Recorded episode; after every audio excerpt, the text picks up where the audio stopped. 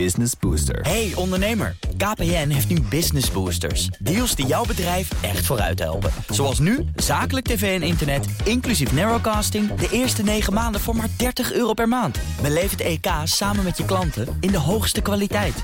Kijk op kpn.com slash businessbooster. Business Booster.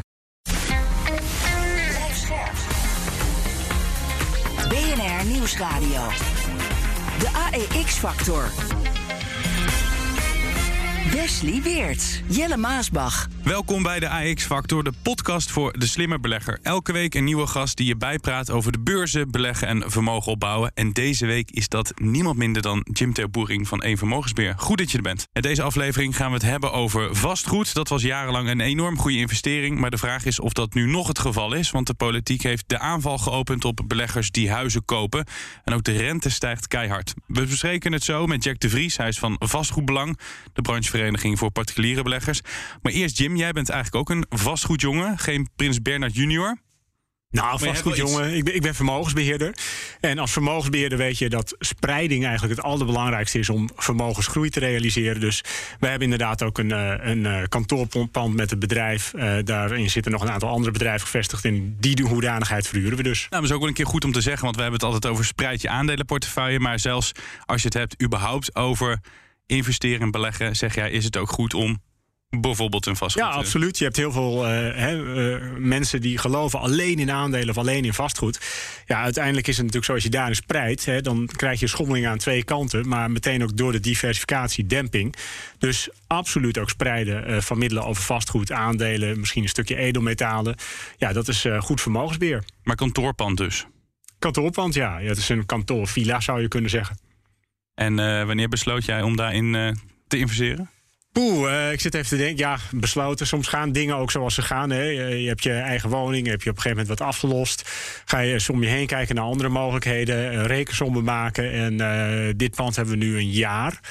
Ehm, dus we hebben een hoge overdrachtsbelasting betaald. 8% lange termijn belegging. Ja, Jim, een jaar geleden was je ook bij ons te gast. Ging het ook over vastgoed. En toen vertelde je hoeveel tijd je kwijt was aan dat, eh, aan dat vastgoed. Eh, voor de mensen die dat gemist hebben, hoeveel, eh, hoeveel uur in de week? Ja, nou dat is een beetje lastig te zeggen. Maar het, het- wat, dat vind ik nog steeds. Hè. Het wordt vaak geromantiseerd. Het bezit van twee appartementjes in de stad. Nou, dan krijg je te maken met de lekkende kraan of de huurder die te laat betaalt. Dus je bent. Je hebt heel veel onvoorziene kosten en eh, extra tijd die je eraan eh, kwijt bent. Maar al is het alleen maar om eh, elke maand tien factuurtjes de deur uit te doen. Te kijken of het betaald is, gas, water, elektra. Ik denk toch dat je gauw nou, een uur of zes per week zoet bent met je vastgoedbelegging dan. Ja, kun je van die tien factuurtjes ook rondkomen? Ehm, nou, nee. Dat zou niet. Nee, op dit moment niet. Want dat is misschien wel het aardige om te zeggen ook. Eh, eh, ik ben absoluut voor eh, investeren, ook in vastgoed. Maar je ziet dan ook meteen wat zijn de bijkomende kosten voor onderhoud, de schilderwerk, de glasbewassing, de tuin, eh et cetera. Dus er zit een hele mooie huurstroom op. Maar een groot deel van je huurstroom ben je echt kwijt aan de lopende kosten. Want neem ons eens mee, wat is dat ongeveer in jouw... Ja, je eh, kan, ik kan je de hele business case wel eh, laten zien Nou, hoor. klap je in het- laptop in het kort. Kijk, de hoogste last is natuurlijk wat de meeste mensen zullen hebben. Die kopen een pand, laten we zeggen van 400.000 euro. En de meeste investeerders zullen niet die volledig 400.000 euro neerleggen. Eh, die financieren een deel mee. Nou, als je verstandig bent, is dat misschien 50, 60 procent. Meer denk ik echt niet. Dus het eerste wat je hebt, is natuurlijk al de rentelast. En een groot deel van je huurpenningen gaat op aan een rentelast als je een stukje leverage toepast. Vervolgens heb je onderhoudsvoorzieningen, nog een stuk aflossing. En hoe verder je bent natuurlijk in het aflossen van eh, de uiteindelijke lening, hoe groter je netto cashflow wordt. Dus ja, dan wordt het wel interessant. En dan heb je een heel mooie huurstroom eh, op je object. En eh, ja, bij ons is het voor mij 7 procent. Ja, straks meer. eh, dan praten we verder met jou, Jim. En ook dus met Jack de Vries van Vastgoedbelang, de club van particuliere beleggers. Eerst een overzicht van de belangrijkste beursnieuws van de afgelopen week. De ECB verhoogt voor het eerst in 11 jaar tijd de rente. We stand ready to adjust all of our instruments within our mandate, incorporating flexibility if warranted, to ensure that inflation stabilizes at our 2% target over the medium term. Er ligt een recessie op de loer, dat zeggen ABN AMRO en de Rabobank. De inflatie wordt veel breder en dat remt de consumptie van huishoudens. Nou, bedrijven hebben te maken met duurdere eh, productiemiddelen, waardoor zij ook minder geld overhouden om te investeren. Ook in het buitenland zie je natuurlijk hoge inflatie, dus ook vanuit het buitenland is er minder ruimte om te besteden en neemt dus ook de vraag naar Nederlandse producten af. Topbankier Jamie Dimon waarschuwt zelfs voor een economische orkaan. You know, I said there's storm clouds, but I'm going to change it. It's a hurricane. You better brace yourself. JP Morgan is bracing ourselves, and we're going to be very conservative with our balance sheet. Het lijkt inmiddels wel op doet hij het of doet hij het niet. Elon Musk die dreigt weg te lopen bij de Twitter-deal. Elon Musk, also known as Captain Chaos, asserting his right to break off his $44 billion deal to buy Twitter. In a new securities filing, Musk's lawyers argue the social media company is refusing his data requests about spam and fake accounts on the platform. En ondertussen slaat de Amerikaanse superbelegger Cathy Wood haar slag. Ze koopt voor miljoenen aan Tesla-aandelen. Het aandeel Tesla is weer in trek, tenminste bij een van de bekendste beleggers van Amerika. Katie Wood kocht de afgelopen weken meer dan 55.000 aandelen Tesla. Daardoor steeg de koers van Tesla met eh, ruim 4%. Jim, ze kon ook wel een meevallen gebruiken. Die heeft enorm gegokt op tech. Hè? Ze was eerst een rockster en nu staat iets minder van over. Al die fondsen van haar staan in het rood. Ehm, gaat deze aankoop haar dan redden? Nee. Dat gaat haar niet redden. Kijk, ze was inderdaad uh, een soort van messias uh, ja. van de techbeleggers. Ze had op een gegeven moment 50 miljard onder beheer. Het, uh, het fonds stond ruim boven de 100 dollar, nu nog iets meer dan 40. Um, kijk, 55.000 aandelen Tesla, dat is voor de gemiddelde belegger een astronomisch bedrag. Heb je het over 40 miljoen dollar. Maar als je op het totale fondsvermogen kijkt van uh, Cathy Wood, ja, dan uh, is het 0,1 procent. Dus ze heeft haar belang een heel klein beetje uitgebouwd. En dat doet ze al heel lang. Want uh, een van de regels die ze in haar beleggings, die, beleggingsmethodiek hanteert, is dat ze maximaal 10 procent in één positie wil. Nou, Tesla, dat was haar ja, high conviction nou, bet, zou je bijna kunnen zeggen. Mm-hmm. Heeft goed uitgepakt. Dus iedere keer als ze boven die 10% kwam, moest ze weer wat aandelen verkopen. Nou, in april heeft ze volgens mij verkocht. Toen stond Tesla op 11, 1200 dollar. Dus ze moest ook verkopen. Ze zat boven de 10%. En ze was nu weer gezakt onder de 10%. Ah. Dus haar strategie is dat ze dan zegt: ik ga herbalanceren naar de normweging, zoals wij dat dan noemen in vaktermen. Dus ze is weer teruggegaan naar zo'n 10% en zit weer vol belegd in Tesla, zover haar mandaat dat toelaat. Ah. Wat vind je ervan? Want het klinkt logisch. Nou, kijk, even los van het feit dat ze ook wel zegt van ja, ik heb hier beweegredenen bij. Hè, eerder bij de verkoop en nu bij de terugkoop ook. Want laten we wel wezen, als je verkoopt op ruim 1100 en terugkoopt op zo'n 700 dollar, ja, bijna 40% korting. Dus die beslissing is sowieso al uh, wel echt uh, ja, te rechtvaardigen. Zij denkt overigens dat Tesla naar 3000 dollar ja, gaat. Ja. Um, ja, en wat vind ik, vind ik ervan? Ze houdt zich heel goed aan haar investeringsregels. Even los van of dit goed gaat. Ze zegt gewoon, nou, ik wil 10% maximaal in het fonds. Daar hou ik me aan. En de mogelijkheid doet zich voor om weer wat uit te breiden. En ik geloof toch in Tesla, dus ik ga er maximaal in. Dus ze is wel heel uh, consequent in haar handelen. Ja, Terwijl iedereen, normaal gesproken vindt iedereen van alles. Vooral als je zo groot wordt. Maar in dit geval helemaal als je alleen maar tech onder beheer hebt, zowat. Die druk op haar is natuurlijk wel immens nu. Ja, ik geloof ook dat ze een tijdje terug nog uh, bijna gevlucht is naar een onbewoond eiland om eens eventjes bij te komen. Ik begrijp het wel, want ze was natuurlijk de grote gevierde uh, belegger en terecht. Uh, want ze heeft ja, zwaar ingezet op tech. En met name bijvoorbeeld vorig jaar gewonnen met een Tesla, dat ook keer 10 uiteindelijk is mm-hmm. gegaan. Um, dus, maar ja, misschien is er ook wel een beetje zo zwaar gehyped dat de druk is opkomen te staan, dat het fondsvermogen is geëxplodeerd. En nu moet ze leveren. Ja, en ze levert op dit moment niet. Maar ja, is korte termijn afrekenen. Maar die 40% rendement die ze eerder haalde, ja, die is heel ver uit zicht door de afstraffing van 60, 70% van de fonds. En los van haar, Jim, wat vind jij van het aandeel Tesla op dit moment? Um, nou, ik heb het heel lang echt een grote short uh, gevonden. Uh, ik moet ook wat posities melden. Dus een tijdje terug zat ik ook nog short. Ik heb nu geen positie, dat is dan privé overigens. Uh, maar wat je wel toch ziet bij Tesla, dat de ontwikkelingen, los van Elon Musk en alle gekkigheid die hij uithaalt, dat de prijs van Tesla steeds meer te rechtvaardigen valt. Want alle groeidoelstellingen waar eerder aan getwijfeld wordt, werd, die hebben ze uh, waargemaakt. Ook als je kijkt naar de winstgevendheid. Ja. Ik geloof dat dit jaar op zo'n 12 dollar gaat uitkomen. Ja, nog steeds betaal je dan 50, 60 keer de winst. Maar als die groei doorzet, is ook dat te rechtvaardig. Dus als je al Tesla overwoog, ja, misschien is wel een interessant moment. Waarbij ik overigens bijna schrok van het uh, bedrag wat in Nederland in Tesla is geïnvesteerd door uh, particulieren hoofdzakelijk. Dat ligt ook rond een miljard. Dus je hebt heel veel fans van Tesla. Uh, maar Elon Musk heeft uiteindelijk wel geleverd wat hij de belegger beloofde. Ja, een van de meest populaire landen volgens mij. Hè? ja. Komt natuurlijk ook omdat elektrisch rijden in Nederland heel erg gesubsidieerd is geweest. Hè, je kon nou, een jaar of tien terug die eerste Tesla's kopen met subsidies, waardoor een auto van 100.000 euro je netto als ondernemer 25, 30.000 kostte.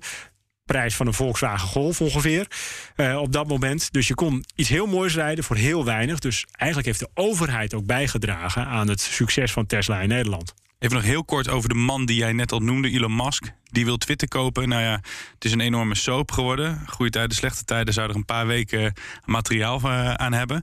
Gaat die deal nog door, denk jij? Nou, ik denk het niet. Maar dat is wat ik denk. Kijk, hij heeft natuurlijk 54 dollar geboden. Vervolgens krabbelde hij een beetje terug. Door te zeggen: Ik wil boekenonderzoek doen. Want er is meer dan 5% fake accounts. Iets wat natuurlijk enerzijds Tesla al had bevestigd. En anderzijds doe je vaak eerst het boekenonderzoek en dan het bod. He, 40 miljard. Nou, het is toch een serieus bedrag.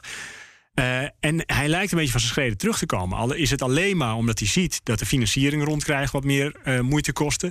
En ook wat het gedaan heeft met de koers van Tesla en zijn eigen rijkdom. Het heeft veel meer gekost dan die 40 miljard die hij wou betalen voor Tesla. Dus ik denk van niet. Uh, en je ziet ook dat hij een beetje bang wordt. Want hij vreest ook ineens recessie. Wil 10% van de medewerkers ontslaan. Er mag niemand meer bij. Dus Musk is wel geschrokken. Ja, over recessie gesproken. Het uh, rijtje economen dat een eh, recessie verwacht wordt langer en langer. Ook eh, ABN AMRO en Rabobank houden daar inmiddels rekening mee. Serieus rekening zelfs. En een van de oorzaken is de hoge inflatie. Ja, die recessie, waar dus ook Elon Musk voor waarschuwt... die lijkt onafwendbaar. Maar hoeveel last hebben beleggers daar nou van, Jim? Nou, die hebben er al last van.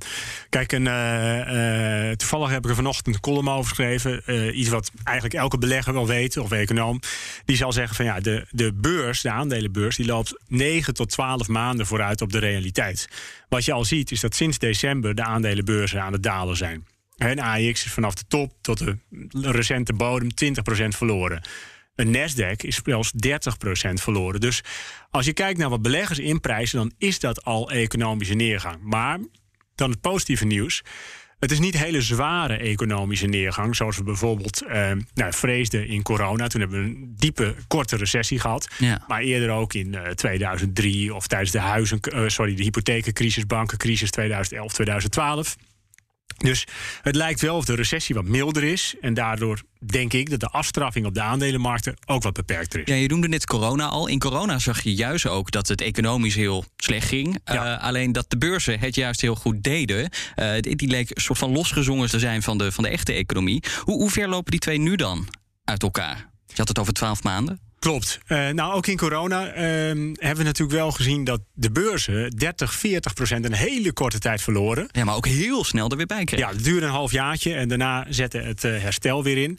En dat is natuurlijk ook in die zin wel een goede, nou ja, een goede indicator op dat moment geweest van het economisch herstel wat uiteindelijk volgde. Want als wij hier twee jaar geleden hadden gestaan en zouden praten over de economie, dat deden we toen ook toen was eigenlijk iemand, iedereen wel van overtuigd... nou ja, het zou nooit meer goed komen. Het was al prachtig als we met elkaar de kerst zouden halen onder corona. Eerder hadden we het al over uh, Jamie Dimon... want die waarschuwt voor een economische orkaan... en raadt beleggers aan om de komende tijd de hand op de knip te houden. Uh, ben je het daarmee eens? Is dat verstandig of is dit juist het moment om aandelen bij te kopen... vanwege die uh, lage beurskoersen? Nou, dan kom ik weer een beetje terug op wat Katie Wood eigenlijk ook doet. Die zegt van ja, ik heb een bepaald percentage in, in Tesla. Zo moet je als belegger of als vermogensbeheerder ook een bepaald percentage in aandelen aanhouden. En daarmee krijg je automatisch dat als de markten dalen, wat nu gebeurd is, dat je iets van de aandelenposities zult moeten uitbreiden. Dan weet je niet of dat de bodem is, maar je weet wel dat je op lage niveaus koopt. Enige vertrouwen wat je moet hebben, is dat na een recessie er weer herstel komt en dat op termijn aandelenmarkten ook profiteren. En dat is de focus die je moet hebben. We praten hier vandaag over wat gebeurt er vandaag en de komende weken. Een belegger, een investeerder, die kijkt juist vier, vijf jaar vooruit. Ja, nog even kort, want als je dan bij gaat kopen, welke aandelen, waar moet je dan ongeveer kijken? Welke aandelen zijn recessieproef? Wat voor aandelen? Nou, het mooiste voorbeeld uh, wat we hebben gezien wat niet recessieproof is, uh, dat zijn uh, tech-aandelen. Want die zijn vaak gefinancierd met vreemd vermogen, afhankelijk van nieuw vreemd vermogen, sorteren voor op groei. Hogere rente is desastreus voor groeiaandelen. Dus je moet in dit geval kijken naar waardeaandelen, defensieve waarden, dus bedrijven die niet zoveel groei laten zien, maar bijvoorbeeld wel een goede cashpositie hebben, weinig schuld dividend uitkeren. Uh, een groot deel van de winst ook als dividend uitkeren. Waar ga je dan naar kijken? Bijvoorbeeld consumer uh, staples, in, internationaal. Coca-Cola of dicht, Procter Gamble, dichter bij huis. Misschien een Ahold of een Unilever. Uh, maar ook een goed voorbeeld wat wel wat meer in de techhoek zit, is bijvoorbeeld een Microsoft. Wat zo verweven is in het leven van heel veel consumenten dat ze niet meer zonder kunnen. En die ook heel makkelijk prijsverhogingen door kunnen geven op de consument in de eindprijs. De AEX-factor.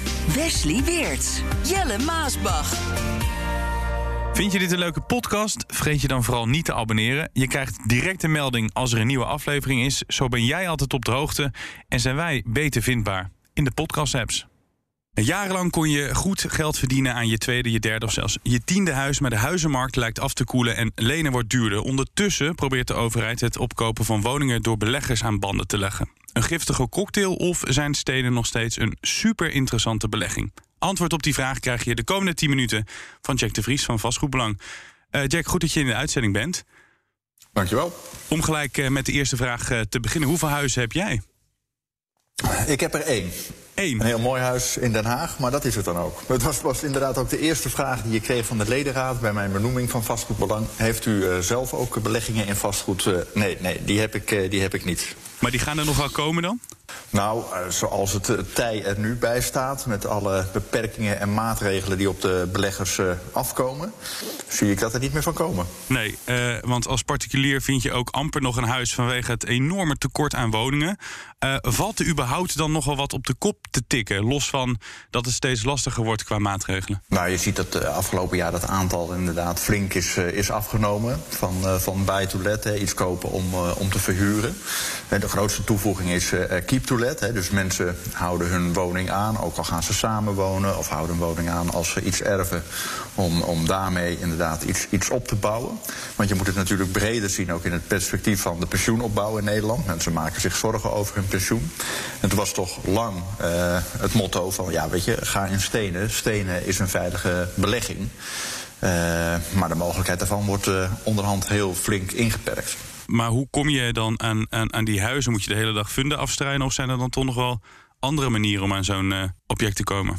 Nou, er wordt natuurlijk ook onderling in de, in de markt wel uh, gewisseld. Uh, mensen die ermee ophouden, grotere investeerders die van kleinere investeerders woningen over, overnemen. Dat was veelal natuurlijk datgene wat er gebeurde. En we hebben binnen de vereniging, ja, wat wij noemen de papa en mama beleggers, dat zijn inderdaad mensen die vaak bijvoorbeeld beginnen door een, een, huis te kopen voor hun studerende kinderen. zoals veel gebeurd is in, in Nederland. En, en van lieverlee, men krijgt een erfenis dat wat gaat, gaat uitbouwen. dus het, het gros van onze leden heeft twee, drie, vier huizen. Uh, als, als kleine portefeuille. Uh, daarnaast hebben we het platform. En dan heb je het echt over de grote familiebedrijven in dit land... die ook gewoon aan projectontwikkeling doen... en aan de transformatieagenda om kantoren om te bouwen in woningen. En dat is ook het punt. Kijk, dit kabinet wil 100.000 woningen per jaar uh, gaan realiseren. Nou, om die 100.000 woningen in het land te realiseren... heb je wel ook het kapitaal nodig van, van investeerders. Dat kunnen particuliere beleggers zijn of institutionele beleggers. Uh, maar op het moment dat er geen rendement meer is... en daar gaan we nu hard naartoe ja, dan gaan die mensen daar het geld niet meer uh, insteken. En juist voor het opknappen van de woningvoorraad, uh, het investeren in de verduurzaming, heb je dat kapitaal wel, uh, wel nodig. Dus op, op dit moment is met alles wat er op stapel staat, dit kabinet wel het paard achter de wagen aan het spannen. Ja, daar wil ik het zo graag over hebben. Maar inderdaad, het rendement dat je aanhaalt. Want uit liefde iets doen is natuurlijk heel mooi. Dat je je zoon of je dochter een, een huis ja, cadeau wil doen of daarmee op weg wil helpen. Maar wat voor rendement wordt er op dit moment nog gepakt met zo'n huis? Ja, dat is een, een, een, belangrijk punt wat je aansnijdt. Omdat in het regeerakkoord staat dat het kabinet ook zegt... er moet wel een redelijk rendement overblijven voor beleggers. Nou, onze vraag aan het kabinet ook is dan... wat is dat redelijk rendement? Want op het moment dat we dat met elkaar vaststellen, kunnen we ook de redelijkheid en billijkheid van al die maatregelen gaan beoordelen. Nou, dat gesprek moet nog, nog komen. Maar een, een, een gemiddeld rendement bij onze leden zit zo rond de 4, 3 procent. Klinkt dat in een tijd waar je flinke bedragen per woning moet investeren om label C, B of A te gaan realiseren, zoals het kabinet wil. Ja, precies. En, en, en Jim, die 3 tot 4 procent klinkt niet veel. Als je het rendement op aandelen pakt erbij? Nee, dat, kijk, traditioneel gezien is het rendement op vastgoed ook iets lager dan aandelen, maar het risico is ook lager. Ik denk overigens wel dat we het in dit geval hebben over 3 tot 4 procent aanvangsrendement uh, uit verhuur. Want daarbovenop krijg je natuurlijk nog uh, het rendement uit een eventuele prijsstijging. Ja, en daar gaat dus de discussie over hè, met de plannen van uh, staatssecretaris van Financiën. Die denkt aan een vermogensaanwasbelasting. Ja, dan ga je dus belasten op nog niet gerealiseerde winsten. En iedere particulier zal het kennen. Het, het, is als je huis op papier in waarde stijgt en je meer overwaarde hebt. Uh, maar dat geld heb je helemaal niet. Uh, en op het moment dat je dus daar een belastingaanslag over krijgt. Ja, dat schrijft de staatssecretaris ook. Kan het voorkomen dat je je bezit moet verkopen om de belasting te betalen? Kijk, wij zien best wel hè, vanuit uh, onze vereniging dat er een verschuiving moet plaatsvinden van de belasting op arbeid naar vermogen. Maar doe het dan wel op daadwerkelijke gerealiseerde winsten en explo exploitatieresultaten en niet de virtuele waardestijging op papier. U drukt zich uh, vrij mild uit. Hè? Ik hoor tussen de regels door wel wat kritiek. Maar is het ook gewoon niet zo dat hè, de, de pandjesbazen, zoals die dan negatief worden genoemd, dat die ja, ook echt gewoon nodig zijn voor de woningaanwas. En ook nodig zijn voor de investering. En ook voor het noodzakelijk onderhoud. Iets wat huurders vaak gewoon zelf helemaal niet kunnen dragen. Ja, dat, dat is ook zo. We, we noemen onszelf al de, de lonk van de woningmarkt. Die woningen uh, uh, verbetert, opknapt, uh, waarde toevoegt, duurzaam maakt. Want vaak, ja, iemand die particulier een woning koopt. Ja, die, die krijgt een hypotheek conform de taxatiewaarde. En, moet dus zelf een zak geld hebben om de noodzakelijke investeringen voor verbetering of verduurzaming uh, te doen. Ja. Dus je hebt dat extra kapitaal nodig binnen de volkshuisvesting om die woningvoorraad op het peil te brengen zoals we dat graag met elkaar willen. Ja, Jake, ik, ik uh, wil dat daar, wordt wel eens uh, vergeven. Ik wil, ik wil daar wel iets tegen inbrengen, want dat is de kritiek die er vooral is op beleggers, namelijk dat ze de schaarse woningen voor de neus van starters wegkapen, de prijzen opdrijven. Hoe, hoe, kijk jij naar die kritiek die er is? Nou, er zijn natuurlijk excessen. Uh, en er zijn mensen die misbruik maken van de uh, overspannen markt. Uh, en wij vinden ook die cowboys verpesten het ook voor ons in de beeldvorming. Dus de wet goed verhuurderschap met een vergunningenstelsel en eventueel een bibop-toets, wat ons betreft, wordt die gewoon ingevoerd. Want wij hebben er nu last van dat er excessen zijn en dat op basis van die excessen beleid wordt geformuleerd dat iedereen raakt. Kijk, het probleem van die, van die waardestijgingen is natuurlijk terug te voeren gewoon op een tekort. Er zijn gewoon te weinig woningen, zowel in, in de huursector als de koopsector in dit land, om aan de vraag te voldoen. Nou, de, eerste les bij Economie 1 op de middelbare school is, bij een grotere vraag dan een aanbod gaat de prijs omhoog. Ja, alleen die dus dat prijzen, is een mechaniek wat, die, wat niet prijs, zo vreemd is. Die prijzen bij huurwoningen die, die stijgen wel harder dan die van koopwoningen. En, en wat we zien is dat beleggers de afgelopen tien jaar een kwart van de woningen in de vier grootste steden heeft gekocht. Dus dat, dat heeft toch een prijsopdrijvend effect dan? Dat kan zeker een prijsopdrijvend effect hebben. En wij zijn ook niet tegen eventuele regulering uh, van het middensegment. Maar we zeggen wel, doe dan het Duitse model. In, in, in Duitsland maak je afspraken met verhuurders voor bepaalde inkomensgroepen, voor een bepaalde duur van de huur. Uh, en er is een, een, tabel wat anders een marktconforme huur geweest zou zijn. en daar is dan compensatie voor van, vanuit de overheid. Nou, laat dat gemiddeld 4000 euro per huis zijn. Dan kun je dus voor 400 miljoen 100.000 woningen in het middensegment uh, gaan, gaan realiseren. Ja. Maar op het moment als je nu gewoon uh, gedwongen dat hele middensegment gaat reguleren op 1000 of 1250 uh, euro, dan raken we dus ook de hele vrije huursector kwijt. En we hebben het over 128 huizen waar dit over gaat, hè? Uh, boven de 1000 euro in ons land, op een, op een woningaanbod van 8 miljoen. Dus we staren naar een hele kleine postzegel van, van de woningmarkt. Om te zeggen, en als we die maar aanpakken, dan lossen we het probleem op. Dat is dus volstrekte onzin. En neem een stad als Amsterdam, wat het Silicon Valley van Europa wil zijn. Die trekken dus allemaal expats uh, aan. die dus ook behoefte hebben aan bepaalde woningen. Nou, eh, die experts die kunnen zomaar eh, gigantische huurprijzen eh, betalen. Dus daar zie je vanwege de tekorten ook al dat mensen zelfs op de huurmarkt tegen elkaar gaan, gaan overbieden, zoals ik afgelopen week weer, weer hoorde. Ja. Maar je zult wel ook, dat zegt de Nederlandse Bank, de Europese Commissie, de, de OESO, de Nederlandse vrije huursector is gewoon veel te klein. Bijvoorbeeld ook voor mensen die als gevolg van de scheiding tijdelijk een woning nodig hebben. Die kunnen niet meteen kopen en die kunnen niet op een wachtlijst gaan staan voor een huurwoning. Ja, het is dus belangrijk om die, die, die vrije huursector uit te breiden. Alleen, welke rol hebben particuliere beleggers daarbij in het oplossen van dat, uh, van het woningtekort? Want het is niet dat zij woningen erbij gaan bouwen. Nou, je hebt bijvoorbeeld in, in uh, de grote steden heel veel etagewoningen, waar er nog een zolderetage is, waar iedereen van elke etage een zolderkamertje heeft. Dat zijn vaak loze ruimtes, ligt alleen maar troep. Daar kun je dus prima een extra woonlaag van maken. Nou, de, de, de particuliere investeerders hebben het geld om dat te gaan realiseren. op het moment dat ze dat in samenspraak met de gemeente doen, dan kun je dus in elk van die huizen, en er zijn er nog heel veel in Nederland, een extra woonlaag toevoegen om in het aanbod eh, te voorzien. Dan krijg je van die kleine hokken waar je in moet wonen. Ja, maar er is ook best, er zijn heel veel alleenstaanden tegenwoordig in Nederland. Best behoefte ook aan kleinere woonruimtes. Uh, wat je ook ziet, uh, we hebben een woonlaag boven een winkel. Die winkel, want er gaan steeds meer winkels dicht, die sluit. dan is die particuliere investeerder bereid om die winkel om te gaan bouwen naar een, een goede winkel, een goede woning en dan ook nog op de begane grond. Nou, een, een, een particulier kan dat heel lastig doen.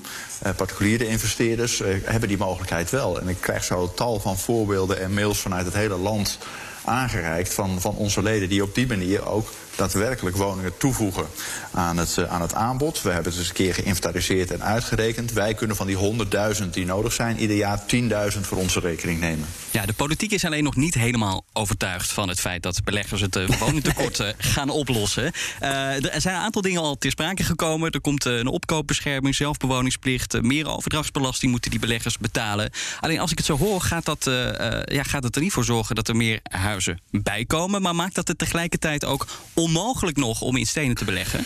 Nou ja, ik heb het de tien plagen van uh, Egypte genoemd. Alles wat er op ons uh, afkomt of al gerealiseerd uh, is. Uh, ik heb deze periode veel regionale vergaderingen, spreek veel van die leden. En er komen steeds meer mensen na afloop op me af en zeggen: Ja, ik, ik denk dat ik het maar ga verkopen, want het, het kan gewoon niet meer uit. Het, het, wordt ons zo onmogelijk uh, gemaakt om dit nog te doen. En ik spreek ook, ook liever over particuliere investeerders dan particuliere beleggers, omdat het over het algemeen, weet je, die mensen zijn, het is voor hun pensioen. Ze zijn gebaat bij een goede staat van onderhoud. Ze zijn gebaat bij goede verduurzaming. Omdat het, ja, het is het appel voor de dorst voor later. Uh, maar ze zijn ook gebaat bij, bij goede huurders uh, die er dan ook langjarig zitten. Uh, dus de beelden van de excessen worden ten onrechte ook geprojecteerd op, op deze grote groep goedwillende mensen die hun bijdrage levert aan een mooie woningaanbod in dit land. Ja, om te voorkomen dat er dingen door elkaar gaan lopen, wil ik wel even een, een strikt onderscheid maken tussen twee typen beleggers. Institutionele beleggers, dat zijn de pensioenfondsen en de verzekeraars, die bouwen echt huizen en die voegen huizen toe.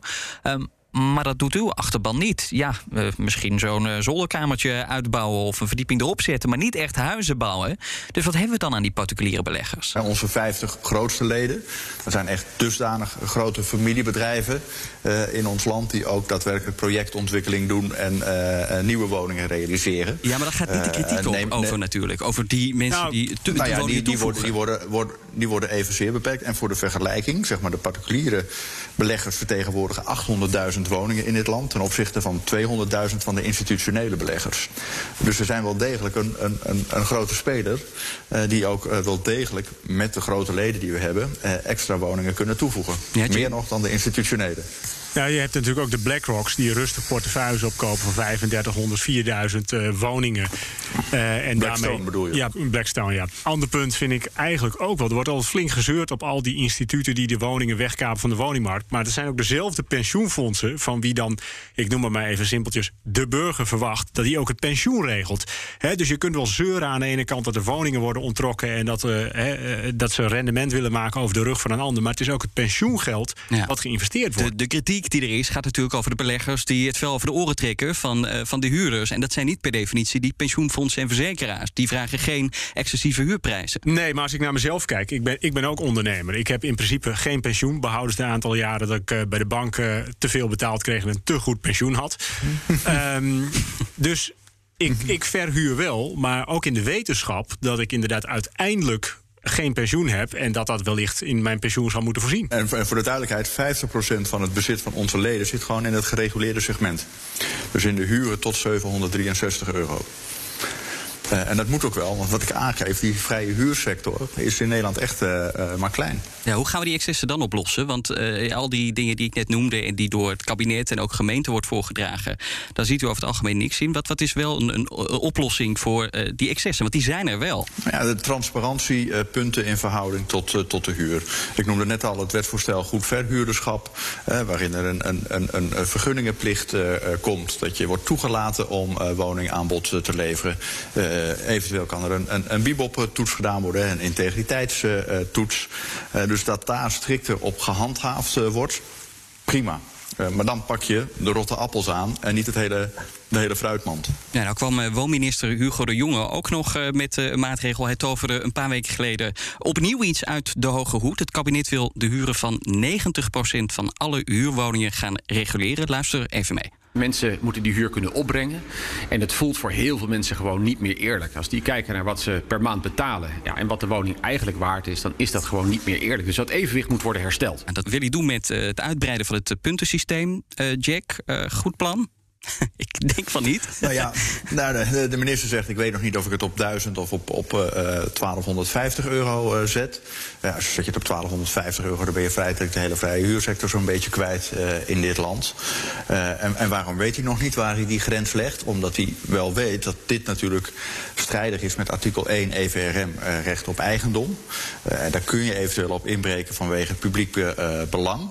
Maar dan moet je dat wel kunnen aantonen. Dus vandaar dat die grens nog niet, nog niet duidelijk is. Nee, en wat houdt dat dan in? Uh, Even voor mijn beeld, wat, wat betekent dat? Want ik ben geen jurist. Nou ja, dat, dat uh, je dus bij de rechter bezwaar kunt maken tegen deze maatregel van de overheid. en dan krijgen we zo'n box 3-achtige affaire.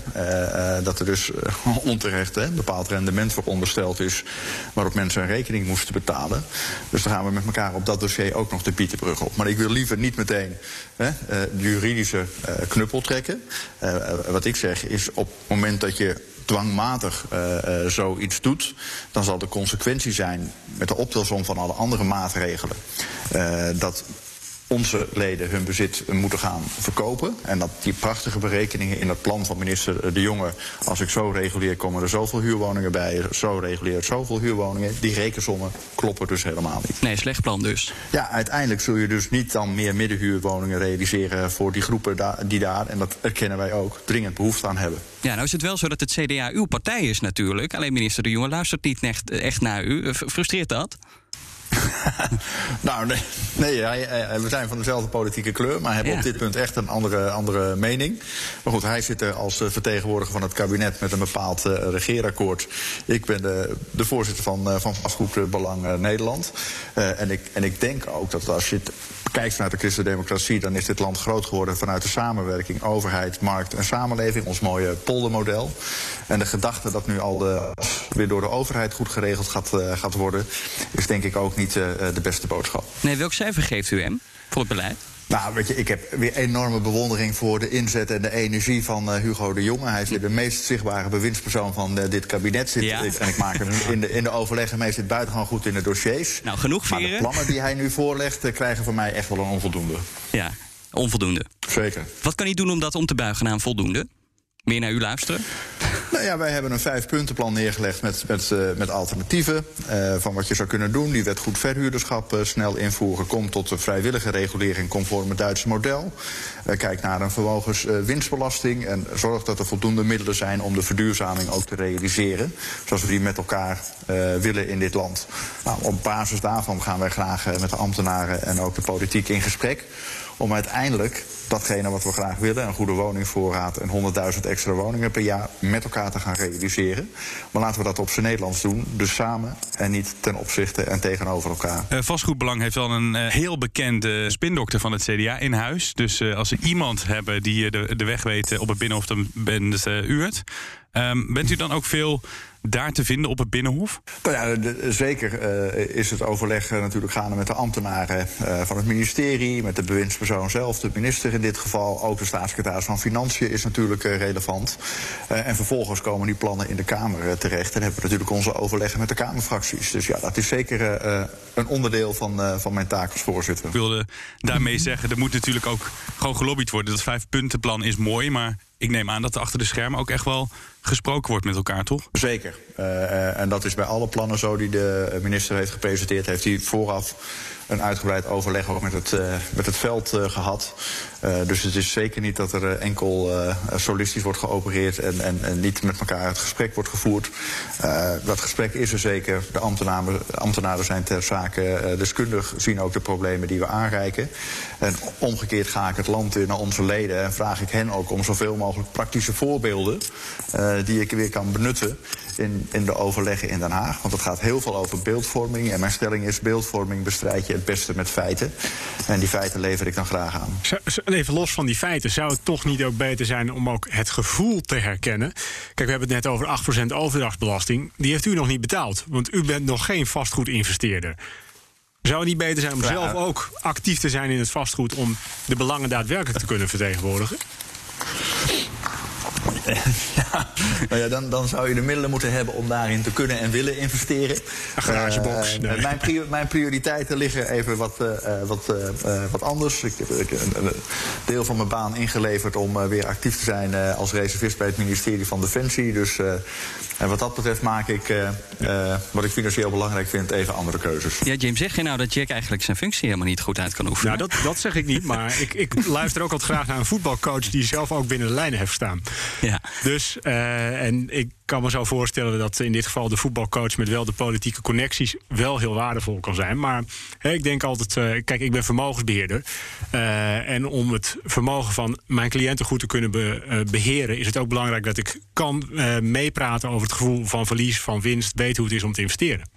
Zeker, maar het is ook zo dat de beste voetbalcoaches over het algemeen vroeger niet de beste voetballers waren. Dat klopt. maar ze hebben wel gevoetbald vaak hoor.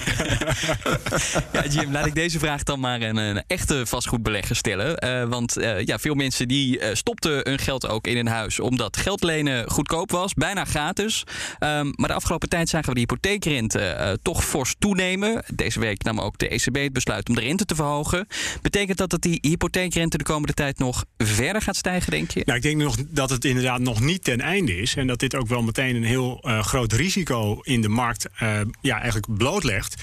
Namelijk dat er ook uh, genoeg investeerders zijn die met te veel leverage, dus met een te groot gedeelte geleend hebben, die misschien die hogere rentelast straks niet kunnen dra dragen. Overigens, als we dan hebben over gestegen woningprijzen, uiteindelijk gaat dat al die kopers van de toekomst in de kaart spelen, want dat gaat absoluut leiden tot druk op de woningmarkt. Ja.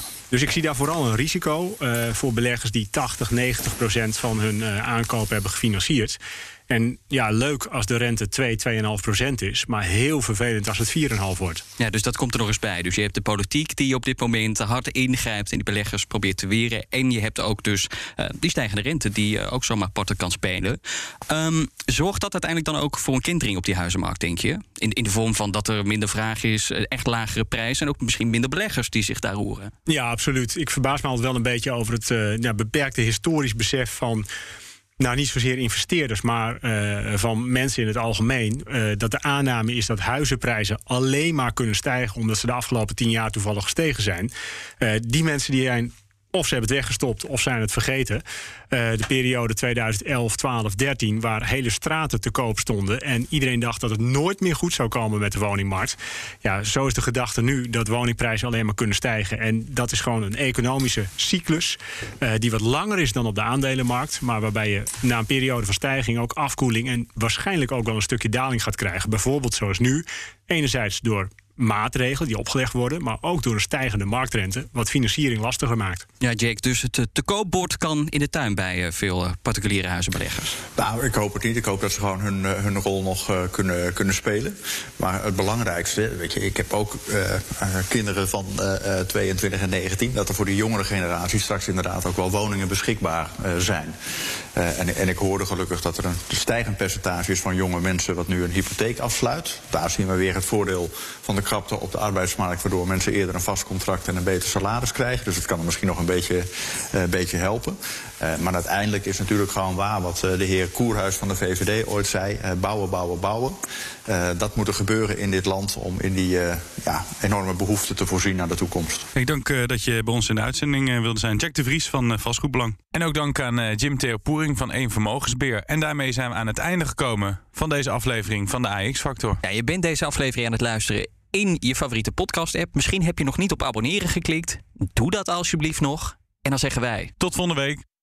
Het ging deze aflevering over de huizenmarkt en het ging over eh, de stijgende rente, maar ook of die recessie die nu wel of niet gaat komen. Dat zijn ook allemaal thema's die terugkomen in het Economenpanel. En dat is een, uh, een tip, een leuke podcast van BNR om te luisteren. Die vind je in dezelfde app als waar je deze podcast vond.